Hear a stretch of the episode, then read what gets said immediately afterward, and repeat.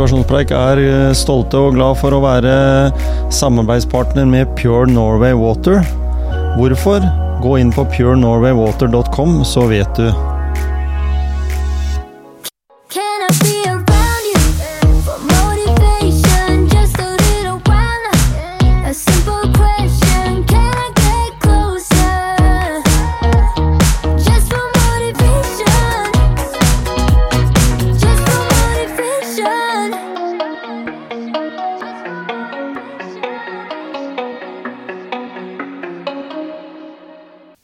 Dagens episode i Motivasjonspreik.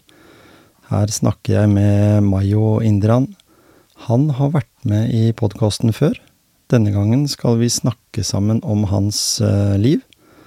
Det som betyr noe for han. eh, hvilken motivasjon han har, og hvilke elementer som har sitter sterkest igjen eh, i opplevelsen han har hatt gjennom ulike realities. Vi kjenner jo han fra ulike programserier som har gått på kanalene som vi følger. Blant annet Paradise Hotel i 2016, Sofa, Kompani Lauritzen, Fangene på fortet, Abu Mayos Norge og i flere podkaster. Så eh, velkommen inn i Mayos sin verden. Ja, i dag har vi kommet her i studio for å snakke med deg, Mayo, om din, eh, ditt liv og ditt virke. Ja. Eh, men vi, vi skal spole tilbake en god stund. 33 år tilbake skal vi spole. Ja. Det høres jo ikke så veldig langt ut hvis du er eh, gammel pensjonist, men Nei. for deg så har du hatt et langt og innholdsrikt liv allerede. Stemmer. Jeg tror 33 år er jo alle altså årene jeg har levd. Ja? Så for meg så føles ikke det lenge ut i det hele tatt. Nei. Men det er jo ganske lang tid. Man får masse tid til å oppleve masse. Ja. Ja. Så fra du blei født, så har det liksom vært Hvis en tar utgangspunktet sånn eh, fra ungdomstida, så har du konfirmasjon da, i, konfirmasjonen i Norge, så, så er det liksom to kull da, i, Mm. av det som har blitt født og vært konfirmert, og litt til. Ja. Så det er liksom å få litt annet perspektiv på det. Men Båtsfjord Mm. Du, Som alle kan se her, så ser vi at du har litt mørkere hud enn meg. ja. Så derfor så må du fortelle litt om eh, familien din, da, og, og opprinnelsen der. Gjør det. Eh, Jeg har jo tamilsk bakgrunn. Mm. Pappa og mamma er fra Sri Lanka. Eh, Pappa flyktet da som flyktning. Eh, Han rømte fra Sri Lanka pga. borgerkrig.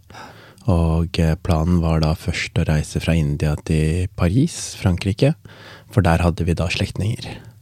Men eh, man visste ikke hvor man endte opp når man dro på disse fluktene. Så pappa han endte opp i Norge, Ja. eh, helt tilfeldig. Det er et lotteri. Ja. Eh, alt er bra, og alt er bedre enn hvor du kommer fra. Eh, og når han da kom til Norge, så dukket mulighetene opp. Han eh, bodde på en båt i Oslo, eh, der hvor eh, flere andre asylsøkere bodde. Mm. Eh, og da fikk de da besøk av forskjellige folk fra, med forskjellige jobbtilbud, og tilbudde dem å jobbe her og der osv. Og, så og da var det en som kom fra et fiskemottak eh, på Båtsfjord, eh, som drev med rekruttering for at de trengte arbeidere. Ja. Så da fikk pappa muligheten til å flytte til Båtsfjord, eh, få en fast jobb, og med fast jobb da også muligheten til å få statsborgerskap. Mm. Eh, Dette tilbudet her kunne han ikke da takke nei til, så i 88 flyttet da pappa til Båtsfjord. Ja, for det, for det var, det var sånn vinn eller forsvinn. Ja. Altså Hvis ikke du tok det tilbudet, så var det ikke noen annen sjanse. Nei, og de hadde jo helt andre formål. Eh, De skulle jobbe, de. Fordi det handlet om også å gi muligheter til andre slektninger og familie i Sri Lanka igjen. Og for pappa så betydde det veldig mye, for han var første fra familien sin som reiste ut, da. Ja. Så, så hvis, du, hvis du da i 88 du ikke har du Google, ikke Mm. har du mobiltelefon med de mulighetene vi har i dag, Mm. eh, og får det spørsmålet om Båtsfjord, har du noen gang snakka med, med faren din om hvilken kontrast det var, da? Eh, å komme til Båtsfjord. Så for, for, for oss nordmenn også, så er det en liten plass. Ja. Der de kun lever av fisk. Ja. Greia, det pappa har sagt, da, er at eh, han var jo også fisker i Sri Lanka. Han dro jo ut på sjøen og fisket fra en liten båt sammen med pappaen sin, og det var det som førte til at de hadde mat på bordet hjemme hos dem. Ja. Um, For han da så følte han at dette her, her er, en, er et signal om at eh, du blir trukket tilbake igjen til hvem du er. Så når han fikk denne muligheten, så tenkte han seg ikke om. Eneste han forsørget seg med, var at han ikke dro dit aleine, eh, men fikk med seg noen andre kamerater av de som Ja. bodde på dette asylmottaket. Så de var vel en 10-15 stykker ja. som bestemte seg da for å flytte opp til Båtsfjord. Eh, og jeg husker pappa fortalte at eh, flere av de var forlovet, og eh, de hadde samme mål, alle sammen. Tjene penger, sende penger til Sri Lanka, og fortest mulig få konene deres til Norge. Ja, for, ja, for vi snakker jo om den konflikten som var der i Sri Lanka. Mm, borgerkrig. Borgerkrigen der nede. Og det var jo et ønske om å komme seg vekk ifra den, hvis en ikke ønska å mm, kanskje bli drept eller, eller skada i krig. Mm. Eh, Så det var en god grunn da for å komme seg vekk derfra, og, og veldig få dro tilbake igjen. Nei, ja, det stemmer. Um, pappa mistet jo også søsteren sin i denne krigen. Ja. Uh, hun var den eneste søsteren. De er tre brødre og en søster, på samme måte som det jeg er. Mm. Jeg har uh, to brødre og en lillesøster yngst. Så samme har jo pappa også.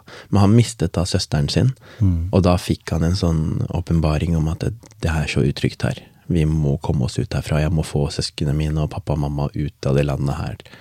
Så når han da fikk gå foran, så gjorde han alt i sin makt for å få dem også ut derfra. Mm. Um, jeg er veldig imponert over det, uh, for det er jo sånn vi er. Vi vil jo beskytte flokken vår. Eh, alle mennesker. Eh, og jeg er så stolt av pappa og valgene han tok, og sjansene han tok. Mm. Eh, for som du sier, det var ikke internett på den tida, og du hadde jo ikke de flinkeste rådgiverne, og de du kunne kommunisere med, de var jo like nye i Norge som deg. Mm. Så disse rådgiverne dine, da var det bare å ta sjanser, altså. Og selvfølgelig stå opp for seg selv, da. Mm. Og jobbe hardt. Og du har jo blitt den du har blitt i dag, Mayo. Så Ja. det, det er som et resultat av denne eh, prosessen her. Mm. Eh, men så var det jo sånn at eh, Båtsfjord ble ikke endestasjon. Nei. Eh, For etter at eh, pappa hadde flyttet hit og bodd der i fem år, så fikk han meg og lillebroren min. Mm. Så i 93 så var det en periode strømmen gikk veldig ofte i Båtsfjord.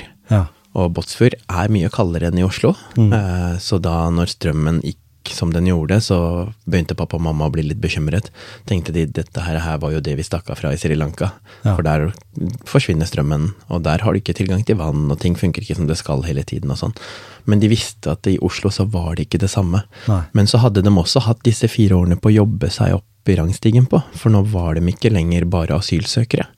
Nå hadde de da jobbet så hardt og kjøpt seg hus, og pappa hadde kjøpt seg sin første bil, og de hadde fått to sønner, og de var begge to i arbeid og jobbet hyppig, eh, og tjente gode penger. Mm. Så da vurderte han, gjorde han en vurdering, han hadde kontakt med veldig mange andre tamilere i Oslo, eh, og gjennom kontakt med de, så hadde han da bestemt seg for å da flytte med familien til Oslo, for det var bedre eh, kår her Ja, i Oslo. Ja. og kanskje, kanskje et litt større nettverk å bygge på. Absolutt. Fordi, Eh, når han kjente kommer- flere her, Ja. det han gjorde i Båtsfjord. Og så var jo Båtsfjord så lite, så det var begrensa på hvor mye du kunne oppnå der, da. Mm. Uh, og visste også at det var et tamilsk nettverk her, så det var tamilsk skole, det var tamilske butikker, du kunne kjøpe tamilske filmer, leie dem. Mm. Så du fikk leve litt likt det du gjorde i Sri Lanka, med dine folk som du kunne kommunisere det språket du kan med, og det føltes mye tryggere ut for dem. Eh, og da tok han turen til Oslo i 1994, og da flytta vi til Stovner. Ja. Mm. Eh, For de som er kjent i, i Oslo, da. Mm. For vi som er utenfra, eh, så, så er det ikke bestandig en, en tenker så over de ulike bydelene. Men eh, en kan jo lese om ting som skjer på Stovner. Ja. Og det skjer i dag, og det skjedde den gangen du vokste opp på. Uh, uh, den bydelen er eh, har, har et dårlig rykte i noen sammenheng, og så har den et godt rykte i an andre sammenhengen. Mm. og det, Vi skal jo snakke litt om det her òg. Eh, hvordan opplevde du det som en veldig, veldig veldig ung gutt å komme dit, i forhold til Båtsfjord? Jeg ble passet på en dagmamma frem til jeg var fire år, Mm. eh, mens mamma og pappa var på jobb. Um, så jeg fikk ikke barnehageplass med en gang når vi flyttet til Oslo heller. når vi flytta til Stovner. Mens lillebroren min på to, han fikk barnehageplass, så han var tidligere ute i barnehagen enn det jeg var. Mm. Med de språkvanskene som jeg hadde. Eh, ikke at jeg hadde noe problem med å kommunisere, for jeg klarte fint å kommunisere med mamma, og pappa, men jeg klarte ikke å snakke norsk Nei. med de andre medelevene eller i barnehagen, da, eller de ansatte. Så det førte til at eh, jeg allerede da, når jeg først fikk barnehageplass fire og et halvt år, skulle jo starte på skole om to år og ikke kunne norsk, førte til at jeg da utagerte med vold, slo for å liksom Ja, bare for å hevde meg over at jeg ikke er useless, jeg òg. Mm. Og det tror jeg fulgte meg en ganske god stund. Det var min måte å håndtere og ikke passe inn et sted på. Var å liksom ja, være kjip og sleip mot andre, da. Uh, være den slemme duden. Mm. Uh, uten å egentlig vite det, hvorfor jeg var det. Eh, og som barn flest så klarer du ikke å analysere hvorfor gjør jeg det, nå har jeg gjort sånn, men nå må jeg skjerpe meg, og sånne ting. Selv om voksne sier det der er ikke bra. Mm. Så måten det blir sagt på er også kjempeviktig, men de klarte heller ikke å presentere problemstillingen min for mamma og pappa. Eh, og de skjønte jo ikke at jeg hadde ADHD heller, eh, for den diagnosen fikk jeg mye senere. Mm. Eh, og, eller lese- og skrivevansker, og det er kanskje grunnen til at jeg tok norske språket så tregt også. Ja. Eh, men ja, disse visste man ikke i barnehagen, og da tok det litt lang tid for meg å lære det språket som jeg skulle bruke hver dag. Mm. Mm. Du vokste jo opp med den eh, formeningen om at det som var på en måte selve livet, eller det du måtte fokusere på, det var jo det med familien din. Altså Ja. det med hjemmet. Ja. Eh, du snakker jo flytende tamilsk, er det det det heter? Det språket ditt? ja. Uh, og derfor så blei det vel kanskje ofte snakka litt rundt med det språket i hjemmet, da. Veldig mye. Ja, eh, og andre som pappa og mamma kjente. For det er sånn at eh, du besøker jo dine venner og Mm. bekjente, Mm. og de var bare tamilstalende. Ja. Og da ble det til at man snakket mye tamilsk, mye mer tamilsk enn norsk. Selv om vi barna begynte å snakke norsk, så var også norsken deres på nesten lik linje som vår. Mm. Så det var ingen som kom og rettet grammatikk og liksom sånne ting av de voksne hos oss. Eh, Så da fikk man liksom lære seg å feile, da. ja. Eh, Lære av å feile. Kan vi, kan vi kalle det det som eh, har fått benevnelsen kebab-norsk? Blei det litt sånn? At du snakka litt sånn kebabnorsk er ikke nødvendigvis bare grammatisk feil. Kebabnorsk er nye ord som er satt sammen, satt inn i det norske språket. Det her, var mer sånn grammatisk feil, feil ord, øh, ha dårlig ordforråd, Ja, ja. et vokabulær som er litt feil. mm. Eh, og når du bare omgås med sånne mennesker også, som gjør den feilen, Mm. så blir det helt normalt. Mm. For da ser man ikke feilen. Men hva var, den, hva var den enkleste kommunikasjonsformen den gangen, da? Hvis du tenker at språket var begrensa, eh, hvordan var, var, var det fysisk, eller var det For meg så var det fysisk. Ja, ikke sant? Ja, jeg tenkte alltid at eh, hvis du er uenig med meg, eller du liksom tar meg på ting, så skal jeg hevde meg over det på en fysisk måte. Eh, og det er jo ikke noe jeg er stolt av, men det er sånn jeg var som liten. Og jeg tør å stå for det, Mm. fordi jeg tenker også at det kanskje det vil hjelpe noen andre til å kunne se problemer hos andre litt tidligere enn det ble sett hos meg. Mm. Uh, men ja, det, det, var, det var litt kjipt å skulle være en som utøvet vold og sånn, men det er det eneste jeg visste, da. Det eneste som funka. Mm. Og eneste utveien jeg hadde. Mm. Mm. Og, når, og når du da skulle avslutte, eller hadde gått gjennom skolen, Mm. Så kom du i et form for vendepunkt fordi eh, foreldrene dine hadde kanskje ikke helt, eh, både med det språklige og på kommunikasjonssida, fått med seg helt hvordan Mayo levde eh, i skolesammenheng. Han visste hvordan du, du var på hjemmebane, men eh, eh, karakterboka di var i, eller vitnemålet var ikke noe du ropte hurra for.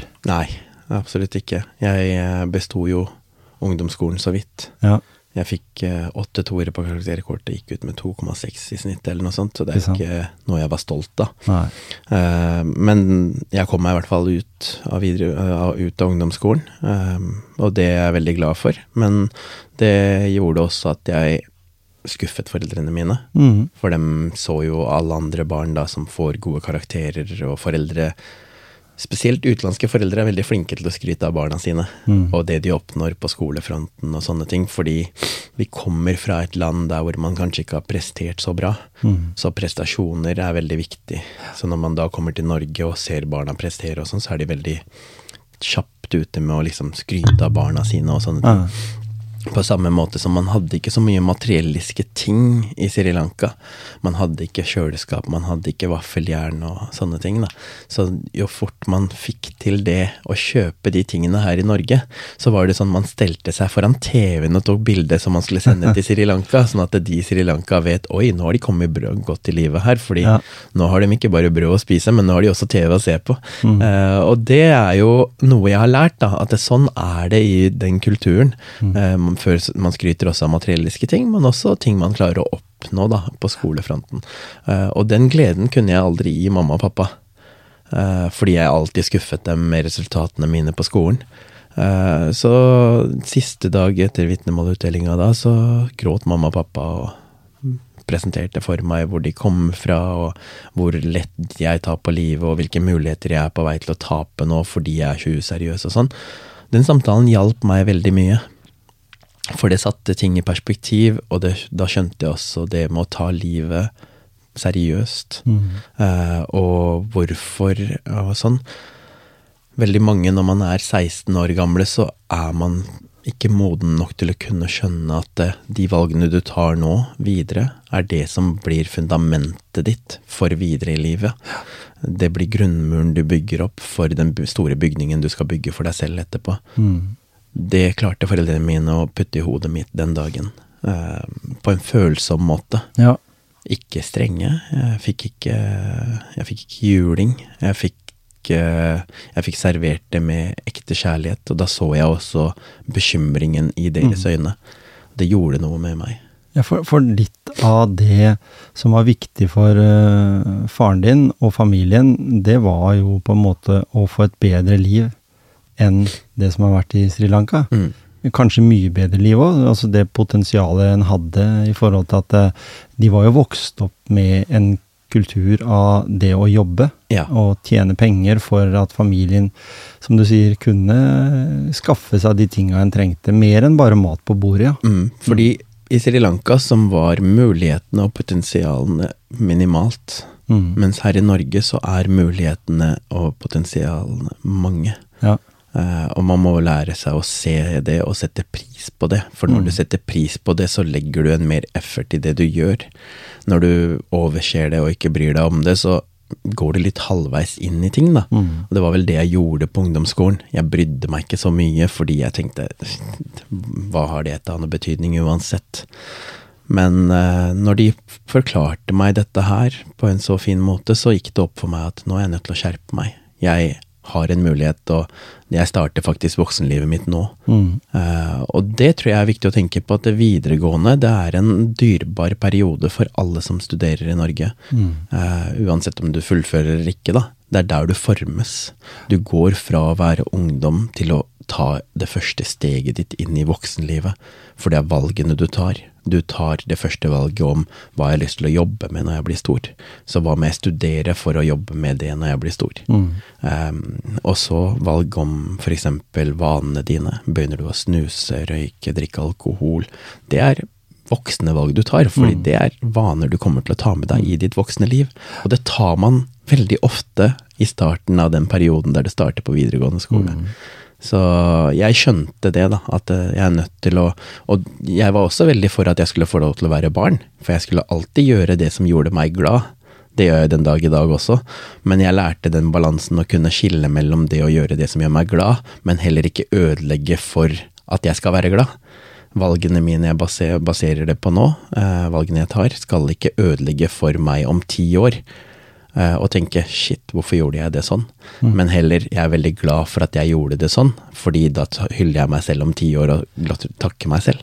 Ja, altså de fleste har jo hele debutskalaen sin fra videregående, egentlig. Ja.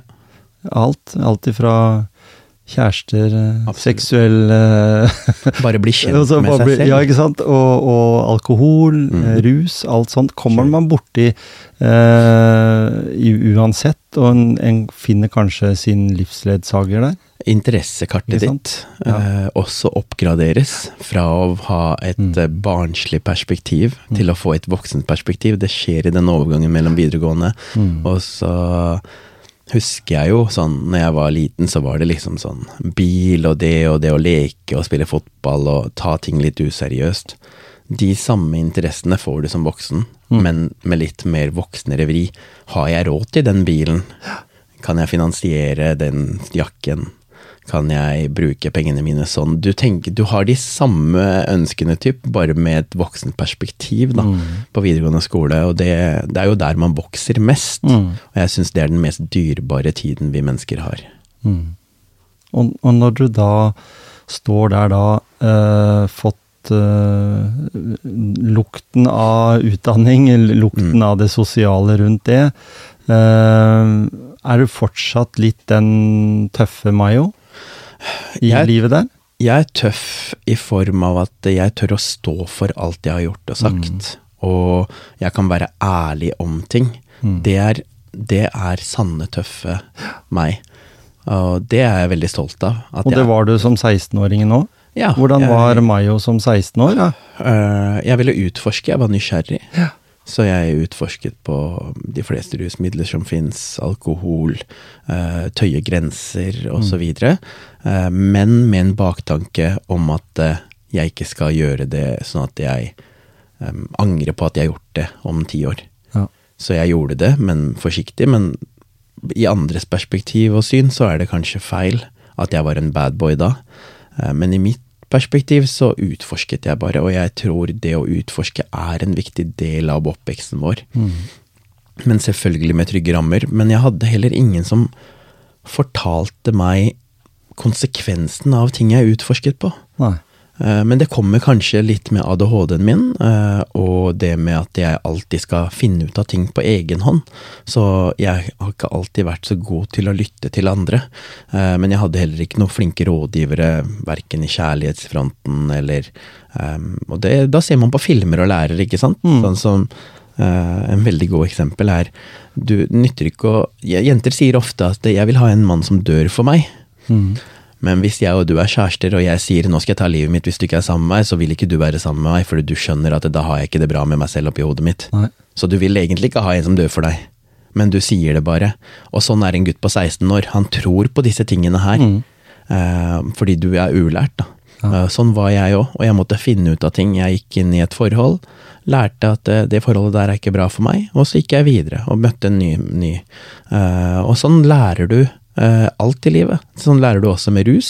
Du går på en smell med alkoholen, drikker for mye, kaster opp, har en ubehagelig opplevelse med det. Neste gang gjør du ikke samme feilen. Nei. Eller så gjør du den kanskje, men du finner i hvert fall posisjonen din etter hvert av å feile mange ganger. Og det er den læremetoden jeg har brukt gjennom hele livet mitt. Da. Mm. Jeg har vært i mange forhold, prøvd ulike ting, eh, vært igjennom mange situasjoner som har gjort det vanskelig for meg. Men det er det som får meg til å være den versjonen jeg er i dag. Mm. Mm. Men hadde du noen forbilder på den tida? Forbildet mitt Hvis har vi spoler tilbake til 16 års Mm. eh? Ja, du har alltid forbilder. Ofte så har vi fotballspillere og pappaer som forbilder. Mm. Så pappaen min var forbildet mitt. For han jobbet så hardt og sånne ting. Han var jo mange områder han nå ikke var så god på, men han var veldig flink til å jobbe og forsørge familien sin. Mm. Og ta vare på oss og gi oss muligheter osv. Så, videre. Så han var forbildet mitt der, og det merker jeg når jeg er i forhold i dag også, at jeg har lært mye av hans måte å ta vare på sin flokk på. Eh, og så har man fotballspillere som står for gode verdier osv. Og, så og det endrer seg også, fordi som en 16-åring så var fotballspillere som hadde kulest hårsveis, som hadde bling-bling og skilte seg ut på den måten, forbilder. Og etter hvert, når du får litt mer peiling, så skjønner du om fotballspillere som står for gode verdier. Mm. uh, som er bra lagspillere og setter laget foran seg selv. og så forbildene forandrer seg, de også, Ja. men sammen med deg. Fordi du lærer å vokse, og du, de vokser også på deg. Sant? Men i starten, da? Kan du nevne noen navn? Jeg tror det var Ronaldinho var vel forbildet mitt. Mm. Hadde Da. plakat, liksom, og Ja. greier? Ja. Eh, og Roberto Carlos. Uh, men Ronaldinho hadde jo ikke den beste livsstilen utenfor fotballbanen. Neida. Han briljerte på fotballbanen, Mm. men på privaten så var han en fester og utforsket og koste seg og nytet livet, da. Så han var forbildet mitt når jeg var 16 år gammel. Ja. Det var jo i 2005-2006 når hans storhetstid var, så det, ja, det var Ja. veldig naturlig. Men kan, kan, kan det ha noen sammenheng da med at uh, disse spillerne som du nevnte her, da, de hadde jo på en måte en annen kulturell bakgrunn enn der de spilte, egentlig? Yes. Eh, på samme måten som deg Ja. selv? Og jeg tror det er derfor man følte en tilhørighet, en Mm. tilknytning. Eh, man følte at de var lik deg igjen, for de Mm. har reist fra sitt sted og kommet og laget seg en arena og herjer på, og verdens retter, verden retter synet sitt mot dem. Mm. Samme tenkte jeg, at eh, jeg må bare jobbe hardt, for jeg startet å trene styrke og sånne ting, for å liksom Jeg ville at folk skulle legge merke til meg og få respekt for meg, og Mm. ikke undervurdere meg, eh, og sånne ting. Og det var vel det man startet å trene for. Eh, For man har et mål med treninga, og uansett hva målet er. Mm. eh, Så merket jeg også på privaten at jeg tenkte at jeg må jobbe så hardt at folk, ikke, folk tenker at vi kan ikke greie oss uten han. Han må vi ha på laget. Mm. Så jeg tok jo skolegangen en enkel utvei på skolegangen. For jeg tenkte jeg orker ikke å gå på skolen så veldig mange år. Så jeg går yrkesfag. Mm. Og yrkesfaglinjene tok jeg også linjer som falt meg naturlig, for jeg hadde en liten interesse for data. Så da tok jeg salg og service første året, eller service og samferdsel, og så tok jeg IT-servicefag andre året. Ja. Uh, fullførte det, uh, uten noe fravær. Karakterene gikk jo opp, men fraværet er det jeg er mest stolt av. Mm. For jeg hadde ikke en eneste time eller dag som fravær. Og jeg fikk eh, god orden i oppførselorden. Um, fullførte videregående, og fikk lærlingplass med en gang. Og Mm. det ganske nærme der vi bodde. Uh, da var jeg fornøyd, altså. Mm. Det var liksom det største jeg hadde oppnådd. Jeg var 17 år gammel og dro på det intervjuet for læreplassen, og husker jeg var så stolt av å ha null timer og null dager i fravær. Mm. Men det var også det som var grunnen til at jeg fikk den læreplassen. Det var ikke karakterene mine, men Nei, det var hvor pålitelig jeg var med å dukke opp. Hvor flink jeg var til å møte opp til disse avtalte tidene. Mm. Og det har jeg alltid tatt med meg videre derfra. Nemlig. For selv om du ikke er så god til å gjøre det du skal gjøre, så må du dukke opp og prøve, i hvert fall. Mm. Og gjøre ditt beste. For det setter folk mer pris på enn at du er dritgod, men ikke dukker opp. Da har de ikke nytte av deg uansett. Nei. Ja. Eh, og den verdien du har der, eh, mener du at den har du fått med deg fra hjemmet ditt? Altså fra faren din, eksempel? Ja. Han hadde helt sikkert ikke mange dager Nei. fravær, han heller. Nei. Eh, Pappa, jeg har sett han kjempesyk, Mm. men han drar fortsatt på jobb. Aldri tar han seg fri. Nei. Så har jeg jo spurt, fordi jeg har jo sett eh, hvordan Norge, norsk arbeidsliv fungerer, og er du litt snufsete, så blir du hjemme. Ja. Fordi du har rett på egen melding og kan til og med misbruke egenmeldingene og sånn. Mm. Mens det lærte vi aldri av pappa. Nei. Vi lærte at uansett hva, så dukker du opp på jobben din, for det er en som har stolt på deg, og Mm. tenkt at du fikser den jobben. Mm. Da skal du fikse den jobben. Den personen skal ikke tenke, tenke annen tanke om at herregud, hvorfor satte jeg han på den jobben der? Nei. Han duger jo ikke. Veldig Den god. følelsen skal du aldri gi noen. Veldig god egenskap og veldig gode verdier å ha med seg. Mm. Vi har jo vært inne på det, og vi må jo ta det inn over oss at du gjør dette her, og her eh, tar denne utdannelsen, eh, får deg jobb etter hvert, Mm. eh, på tross av at du nå da også har stått fram og allerede fra femte klasse fikk diagnosen ADHD. Mm. Og den kan jo være som et stempel i panna for mange. Eh, og når du i tillegg har dysleksien også, så skjønner jeg jo viktigheten av å, og det å bli flink i data er jo på en måte Det er ikke gitt at den blir det, men data er jo et verktøy som er bedre å bruke enn ofte penn og papir. Eh, hvordan var det å bli tatt imot på, i jobben der? Jeg er liksom litt nysgjerrig på det. Når du Det var- begynte å jobbe? Det var liksom første gangen jeg kjente på mestring, var når jeg var utplassert siste året på videregående. Mm. Du hadde den utplasseringsdagen din, eh, perioden. Da kjente jeg på mestring for første gang gjennom min skole. Altså jo, jeg har jo hatt gymtimer og liksom kjent noe mestring Ja, ja. her og der, men sånn den største mestringen som jeg husker fra barndommen, var den utplasseringsuka. For da fikk jeg virkelig vise hva jeg var god til. Jeg kunne gå og bidra med service, eh, brukerstøtte. Og kjenne på at eh, herregud, det her fikk jeg til. Og jeg hjelper noen andre. Jeg er til nytte for noen andre. Jeg fungerer. Eh, Den følelsen husker jeg ennå, eh, og den ville jeg ikke slutte å kjenne på. Nei. Og det startet jo også, og det fikk jeg også kjenne mer og mer på når jeg gikk i læra, når jeg startet å jobbe på, som lærling på Stovner videregående skole.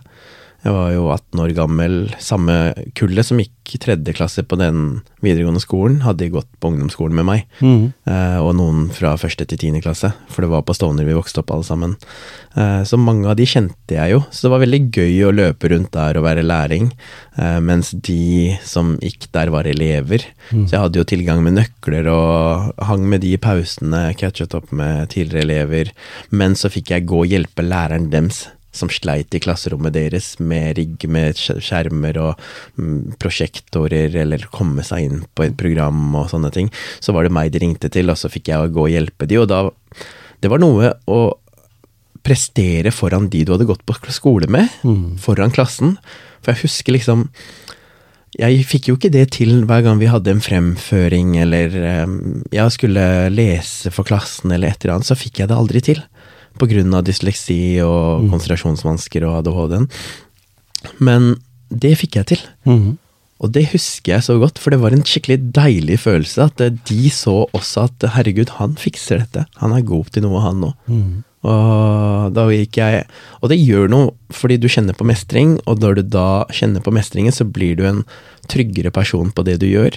Så utover den første år, det første året med i læra, så husker jeg at eh, jeg var så blid og glad. Jeg satte pris på å dra på jobb fordi jeg fikk det til. Eh, Jeg fikk en ny energi, på en måte. Eh, Så hver gang noen ringte meg og spurte om hjelp, så visste jeg at det, det her, her fikser jeg. Og så sier de takk og setter pris på at du hjalp dem.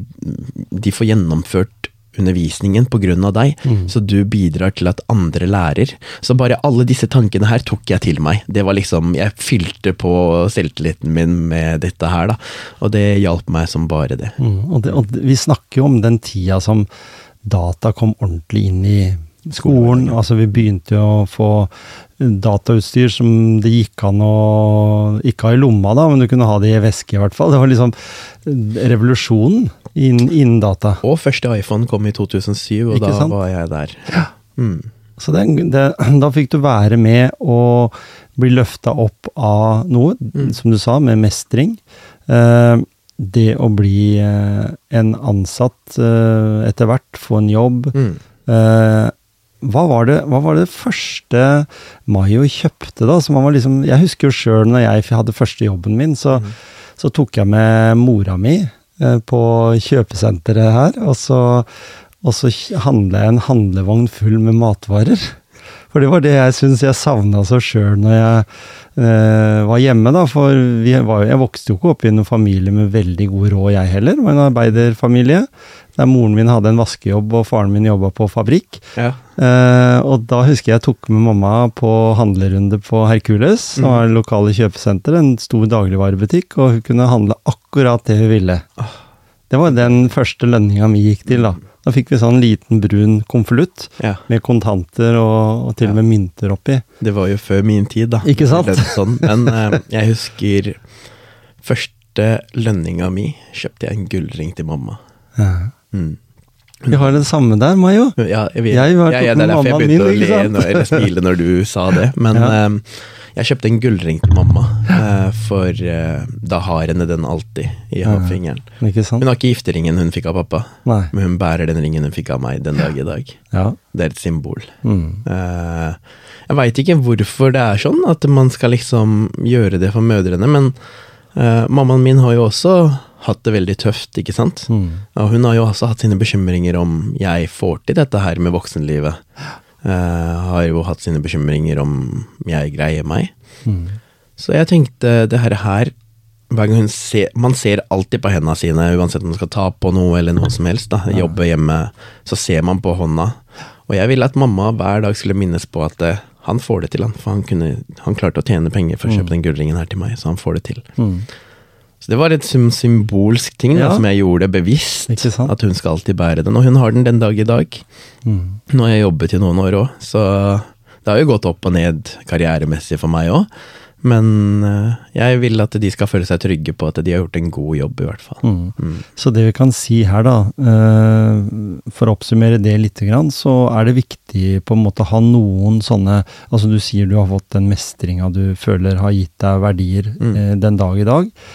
Og så har du på en måte, gjennom det livet du hadde levd, eh, en ny eh, stjerne hos mamma, eh, og Mm. hos pappa også sikkert, men, men på en måte blitt en sånn eh, en kan stole på, fordi det å få seg en jobb er jo litt i den kulturen fra Sri Lanka også. Mm. Å jobbe, tjene penger, Mm. eh, kjøpe seg det en ønsker seg. Ja. Eh, første bilen, eksempel, det var en bil du kjøpte som var Det var en Toyota. Jeg sparte førsteårets stipendpenger på videregående og kjøpte meg en Toyota som jeg skulle lære å kjøre bil med pappa. Mm. Um, det var også skikkelig mestringsfullt. Jeg skryter av det den dag i dag. Altså, jeg kjøpte min første bil med å spare stipendpengene mine. Mm. Mens andre, når de fikk stipendpengene, var kjapt ute med å kjøpe seg nye klær og ting de trengte, materialistiske ting. Mm. Så sparte jeg dem for å kjøpe meg bil. Men jeg jobbet jo ved siden av videregående. Ja. Jeg gikk både søndagsrute med avisbud, lørdag- og søndagsrute, og så gikk jeg også eh, og jobbet tillit, altså som til, eh, medarbeider, tillitsmedarbeider på mm, Nille, ja. på Gunerius. Så der jobbet jeg i tre år. Så jeg har hatt noen sidejobber ved siden av videregående, sånn at jeg kunne greie meg økonomisk, Mm. slik at jeg slapp å ta mer penger fra mamma og pappa. Eh, men skal sies, da, eh, alle reiser og alt sånt dekket jo de. Mm. Og det eneste jeg hadde som en fast utgift, var jo månedskort. ja. Og studentmånedskort er ikke så dyrt. Så det gikk fint å spare de pengene. Mm. Tror jeg sparte 26 26 000 kroner. Ja. Og kjøpte meg da en sånn Toyota. Eh, veldig billig bil, men herregud, den eh, fikk vært igjennom masse. Og kjørt eh, nesten 100 000 km på et år. Mm. For jeg skulle så lære å kjøre bil. Men var du, var du sjåfør for hele nabolaget, eller? For, for mange av vennene dine? Ja, ja, sånn? ja. ja sant? Eh, For jeg var jo den som hadde alltid bil. Ja. Så det ble Alle skulle låne og sitte på den, altså. ja. Mm. En god tid. Veldig. For nå hadde du kommet u... Følte du sjøl du hadde liksom på en måte kommet litt ut av den uh, det alt det uheldige gjennom motstand, uh, spisse albuer, Mm. eh, knyttneve osv.? Det møter du på ulike stadier i livet uansett. Mm. Jeg husker liksom etter at jeg fikk lappen, tre dager etterpå, så krasja jeg den bilen. Eh, Jeg hadde ikke krasja i løpet av de tre årene jeg øvelseskjørte, men eh, den fire dager etter at jeg fikk førerkort, så krasja jeg. Litt overmodig? Mm, Jeg vet ikke hva det Nei. var. Jeg klarte ikke, jeg kjørte opp på en bakke, og den hadde jo ikke ABS-bremser. Når jeg kom opp på toppen, skulle jeg prøve å bremse ned, for det sto biler parkert langs veien. Klarte ikke å bremse ned, så sklei inn i bilen foran meg. Mm. Eh, måtte gi ekstra gass for å komme opp på bakken. Og det er sånn Jeg vet ikke hva jeg skal kalle det. Dårlig, eh, dårlig kjøreegenskap Mm. eller erfaring da, med å håndtere bilen i snøkaos. Men uh, det skjedde. Uh, Hadde, og, hadde du egen forsikring, eller sto den på mamma og pappa? Uh, den sto på pappa, faktisk. Ikke sant? Ja, og det var også problematisk. Og da tenker du sånn Det her går dårlig. Og da får du en utfordring igjen. Mm. I en ny form. Mm. Og sånn skjer hele tida. Du møter på utfordringer og blir satt i vanskelige situasjoner hele livet. Mm. Og det ble jeg da etter at jeg fikk førerkortet. Det skjedde også etter at jeg skulle kjøpe meg min første ordentlige bil. Og da gikk jeg og tok lån og kjøpte en bil til 250 000. Mamma og pappa var sterkt uenige med valget mitt. Og da må jeg bare si til dere da, som lytter på den, at Toyota er jo egentlig en ordentlig bil det òg, men ikke i Mayos øyne helt. Ja, for jeg ville ha en Audi A4 med fire eksospotter Ja. og bra anlegg. Du skulle se at det var en kul bil som kom inn når den kjørtes inn. Mm. Eh, det, sånn har jeg alltid vært. Jeg har alltid vært at jeg skal skille meg, jeg skal kle meg bra, bra jeg, skal, jeg skal alltid se presentabel ut. Mm. Og jeg tenker alltid sånn bil, klær, alt sammen skal reflektere deg som person. Og den Toyotaen, den representerte ikke helt meg. Nei? Men det gjorde denne Audien som jeg fikk kjøpt, da. Så jeg kjøpte denne Audien til 250 000, var kjempeglad og sånne ting. Men så kom de utfordringene med reparasjoner. Ja. Fant jo ut etter at jeg hadde hatt denne bilen her i noen år, at eh, herregud, jeg har brukt like mye penger på bare vedlikehold og reparere den bilen som det den bilens verdi var. Mm. Hva er det jeg har drevet og kastet bort pengene mine på? Og dette prøvde foreldrene, foreldrene mine å fortelle meg når jeg var 19 år gammel og kjøpte den bilen. Allerede da, ja. Men eh, 19 år gamle meg ville føle meg kul, ville føle en aksept. Ville, mm, for venner satt på hele tida. Ikke bare venner, men damer satt på hele tida. Ja. Det var litt kjipt å skulle hente dem i en Toyota. Det var mye kulere å hente dem Altså, det var Sorry ordbruket, men det var fittemagnet, rett og slett, den Audien. Det var det det var. Mm. Og jeg Nå har jeg jo mange andre ting jeg kan spille på, men da følte jeg bare det var bilen. Mm. Og det er sikkert mange gutter som kjenner seg igjen at eh, de trenger et eller annet for å fungere som damemagnet, og bilen var ganske easy, altså. ja. Mm. Og viktig i den Ja, det, tida. For å forflytte seg fra kanskje en annen plass der en Ja. var, til Ja. dit en ville. Ja, og det er jo materiellisk ting, og veldig overfladisk og sånne ting, men jeg i 19-årene forsto ikke det. Og jeg forsto heller ikke at den største fleksen er faktisk å kjøpe seg leilighet, Mm. og ikke ha en bil. Men ingen kom inn i leiligheten min, men alle møtte meg med bilen. Ja. For jeg var ute hele tida, ikke sant. Og bare Jeg skulle gjerne hatt en far og mor som klarte å prate slik jeg forsto dem. For jeg, de prøvde å fortelle meg, men jeg, jeg forsto ikke hva de prøvde å si. Nei. Jeg tok det ikke til meg. Og mye av det er jo min egen feil, men bare måten de kommuniserte på meg på, var ikke en måte jeg tok det til meg, for jeg følte alltid at det, jeg var smartere enn de. Mm. Mm. Den er klok nok. Den er klok og har all kunnskap når den er 19. Det er det man tror. Men eh, bil og, og leilighet og alt eh, rundt det eh, Vi kommer til et eh, punkt da vi er ferdig med ungdomstida. Mm. Eh, du er god til å trene og, og holde kroppen din i form. Mm. Eh, Du spiller litt fotball. Så, så skjer det jo ting. Vi kommer inn i livet da vi legger diagnoser og alt til side, og så får du et eh, i dette her med å være med på TV. Ja. For nå er vi liksom da til det som, eh, som en kan si om, om eh, deg, så er det, er det jo en kjent TV-personlighet med real, som reality-deltaker. Mm. Og en sånn fin ting som vant alles hjerte gjennom Kompani Lauritzen. Mm. Det er sånne tatt fra, fra å, din, eh, din, dine meritter på, på sosiale medier og nettet. Mm. Men, men så, hva, hva som skjer liksom Mayo får uh, et lite Fikk du en melding, eller søkte du, eller var det noe sånt, for å bli med i Paradise Hotel i 2016? Å nei, broren min søkte for meg. Det var ment som kødd, egentlig. Ah, For han så at det eneste jeg brukte tida mi på, var å trene og sånne ting. Eh, Så han tenkte det er på tide å putte han på et eller annet. Det var egentlig ment som kødd. mhm. Men når de ringte meg da, så var jeg på det stadiet i livet at eh, jeg var singel. Jeg hadde vært gjennom et skipbrudd. Eh, og jeg tenkte kanskje det her, her er det jeg vil. Det virka kult, mm. og jeg ante også at eh, jeg passer jo ikke inn der egentlig, men jeg er jo så oppmerksomhetssyk, og bekref bekreftelsesbehovet mitt er stort, så kanskje jeg skal gjøre det. Ja. Uh, så bare ble det sånn, egentlig. Ja. Ja. Så når du da møter opp på en sånn innspilling, eller først så var det jo en audition, Audition, ja. Hvordan presenterte du Mayo da? Nei, jeg var bare meg selv. Ja. Uh, og jeg tror dem også så veldig fort at det her er det en karakter. Mm. Så etter første audition så ringte de meg igjen og sa at uh, de vil ha et kontraktsmøte med meg. Uh, og en prat til. En dybdeprat og et Mm. kontraktsmøte. Og du må ta med deg badebukse, for du skal ta bilder til det bildet som skal eventuelt være på rommet ditt. Så vise hvem som bor der. Da tenkte jo jeg oi shit, nå skjer det. Men jeg hadde ikke søkt om fri fra jobben. Jeg jobba jo på en skole i tillegg. Eh, Jeg var 25 år gammel, og så var jeg litt sånn Vil jeg dette her egentlig? For nå begynner det å bli alvorlig. Først så trodde jeg det bare var kødd, jeg trodde ikke jeg skulle være med. Eh, Men eh, så var det, husker jeg, det var på en søndag, det kontraktsmøtet.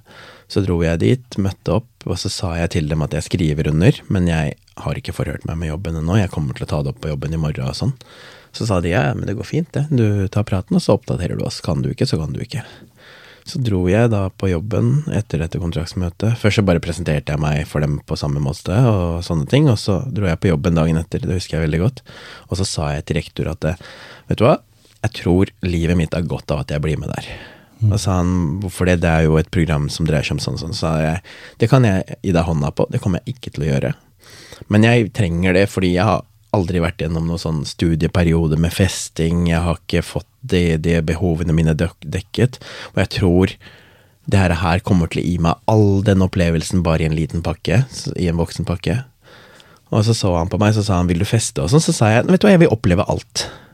Jeg vil oppleve alt en vanlig person ikke kan oppleve, og det tror jeg, den opplevelsen tror jeg jeg kan få gjennom Paradise Hotel.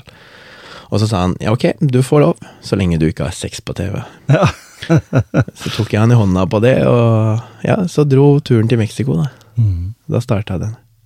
For det, det, det han tenkte på, var sikkert ditt rykte der på skolen. Ja.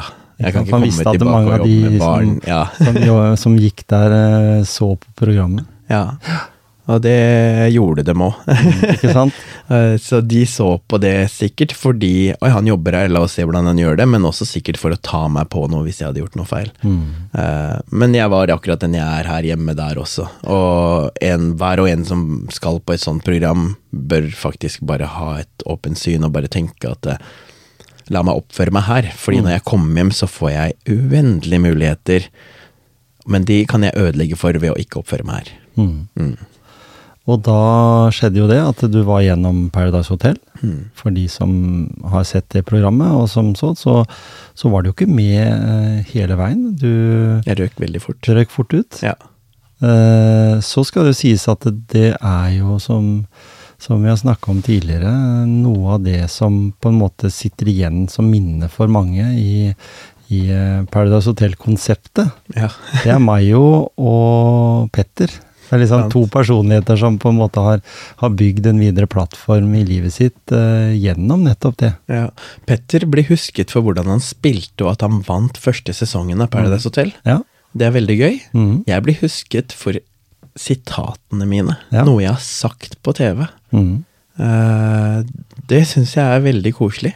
Ja. At uh, et utsagn som jeg sa, ubevisst om hvordan det kommer til å bli uh, Jeg tror ikke jeg egentlig tenkte over det i det hele tatt. Nei, for det, du sa jo dette at liv er et lære, man må alltid lære. Ja. Og så sa du også 'ser etter en eh, kvinne og avslutter livet med'. ja. Så grammatisk og ordleggingen er jo feil i begge setningene her. Ja. Eh, begge sitatene. Eh, men budskapet med dem eh, var jo noe fint nå, da. Ja. Eh, det jeg mener er jo bare at eh, du lærer så lenge du lever. Ja. Så du må alltid tillate deg å lære. Så det var Mayo sin måte å si det egentlig på. Ja. Mm. Um, og da var ikke norsken min like bra som den er nå heller. Nei, ikke det skal sies. Jeg har fått masse trening på norsken min. Mhm. Jeg har både delt hverdagen min med norske, eh, mer etter Paradise Hotel, eh, norsktalende, og eh, bodd med noen som prater rent norsk. Ja. Og i tillegg til det så har jeg fått masse medietrening. Mm. Uh, og det gjør noe med ordforrådet ditt, da. Mm. Blir klokere på mange måter og, og disponerer ting. Men du har jo også, også ikke helt lagt dette her med sitater eh, på sida, for du har også skrevet noe sånn som at eh, de viktige vinnerne er alltid de som uh, er mest sultne. Mm. Det er jo din måte igjen å skrive noe på, men det er jo et uh, sitat som mange bruker også, at den må være på for å prestere. Jeg, ja, eh, for det er det det handler om. Eh, Det handler om å være påskrudd, å være sulten. Er du sulten, så blir du ikke mett på grunn av Altså, du er sulten hver dag. Mm. Du blir ikke mett av å spise én dag. Nei. Du er sulten igjen i morgen, og det er sånn du må være for suksess. Mm. Det er der enhver og en kriger kommer frem. Mm. Det er når den har sult hver dag. Så, så hvis vi snakker om da uh, reality-konseptet, Mm. uh, så mener du da at hvis en person er moden for det, ved, med å sette de grensene, og en blir spurt, eller en, en har lyst til å prøve, Mm. så kan du anbefale det som konsept for å få mer læring. Ja, øh, og for å feile og lære. Ja. Eh, Jeg sier Altså, jeg er veldig for at det ikke finnes noe oppskrift, er jeg da, Mm. i livet. Det fins ingen oppskrift. Du kan ikke følge min reise og tro at du vil oppnå det samme. Og jeg kan ikke følge en annens reise og tro at jeg kan oppnå det samme. Alle har hver sin reise. Det er jeg veldig for. Eh, og jeg tror også, så lenge du går med den innstillingen om at eh, du vil noe, så er det mulighet. Jeg skjønte ikke at jeg hadde en verdi i meg selv, eller en, et talent som jeg, at jeg kunne underholde. Det fikk jeg lært av at jeg var med på Paradise Hotel. Mm. Uh, at jeg er underholdende. Men jeg ante jo at eh, jeg kan underholde i form av på klasserommet, for alle satt jo og lo når jeg fikk kom til orde, eller jeg sa en kommentar, eller sånne ting i klasserommet. Så lo folk, men jeg skjønte ikke hvorfor. Jeg trodde jeg bare var litt morsom, eh, og sånne ting. Men når du skjønner at når norske TV-seere hyller deg og liksom støtter deg i det du gjør og sånn, så skjønner du litt mer, da. Eh, og det er sånn jeg fikk det for meg, at eh, herregud, det her, her vil jeg satse på. Og så får du bekrefta det når folk hilser på deg på gata, sier at du gjør en god profil. Fortsett å være den du er. Du er viktig for oss. Det er fine komplimenter. så, så klassens klovn var nå blitt uh, en, en annen person, fordi du Mm. kan jo ikke kalles å være klovn i en sånn sammenheng, men du kan jo ha hu, spille på humor, som du sier. Mm. Eh, ville Mayo valgt Paradise Hotel i dag? På nytt? Nei, jeg vil ikke det. Nei. Men det er bare av hvordan TV-konseptet er, og hvor jeg har kommet karrieremessig. Mm. Eh, Hadde det vært hadde jeg vært 33 år gammel og første gang skulle vært med på TV og gått på Paradise Hotel, så hadde jo ingen giddet å sett det på heller, fordi da er du for gammel. Eh, Så det handler jo om hvor man er i livet, men også hvor gammel du er. Det konseptet må passe deg. I dag passer programmer som Kompani Lauritzen og andre reality-programmer da som passer voksne meg bedre enn eh, Paradise Hotel og liksom barneprogrammer. Eh, Men jeg tror jeg også kan gjøre en god profil der, men jeg tror ikke det er det publikummet jeg skal sikte meg til. Nei. Mm. Og vi snakker jo om da, som du sier, andre konsepter. Sånn at uh, når vi snakker om sofa, for eksempel, så er jo det en, en uh, type form for reality, hvis en kan kalle det det, som, som er litt sånn sofa. Ja. Det er folkelig. Det er foran TV-en. Ja. Ja. Så det er folkelig, og jeg tror man treffer Alle vil sitte og kose seg med det når det er Mm. familietid Mm. foran TV-en. Og det er den type TV jeg har lyst til å lage nå, da. Å være med på. Mm. Jeg trenger ikke å drama og intriger og sånn. Det, det, det, det er jeg ferdig med. Det hører ungdommen til, som Ja. de sier. Ja. Når vi snakker om reality, så kan vi ikke komme utenom eh, Kompani Lauritzen, som du nevnte her i stad, i, i 2022. Så det er nokså nok sånn ferskt sånn på årsskalaen. Ja. Um, der eh, fikk du, eh, som jeg sa her i stad, dette med at du blei folkekjær. Mm. eh, veldig raskt. Eh, du var ærlig med dine skal vi si, traumer, hva du på en måte ikke trives med av form av utfordringer. Ja. Så du, men du står i det. Mm.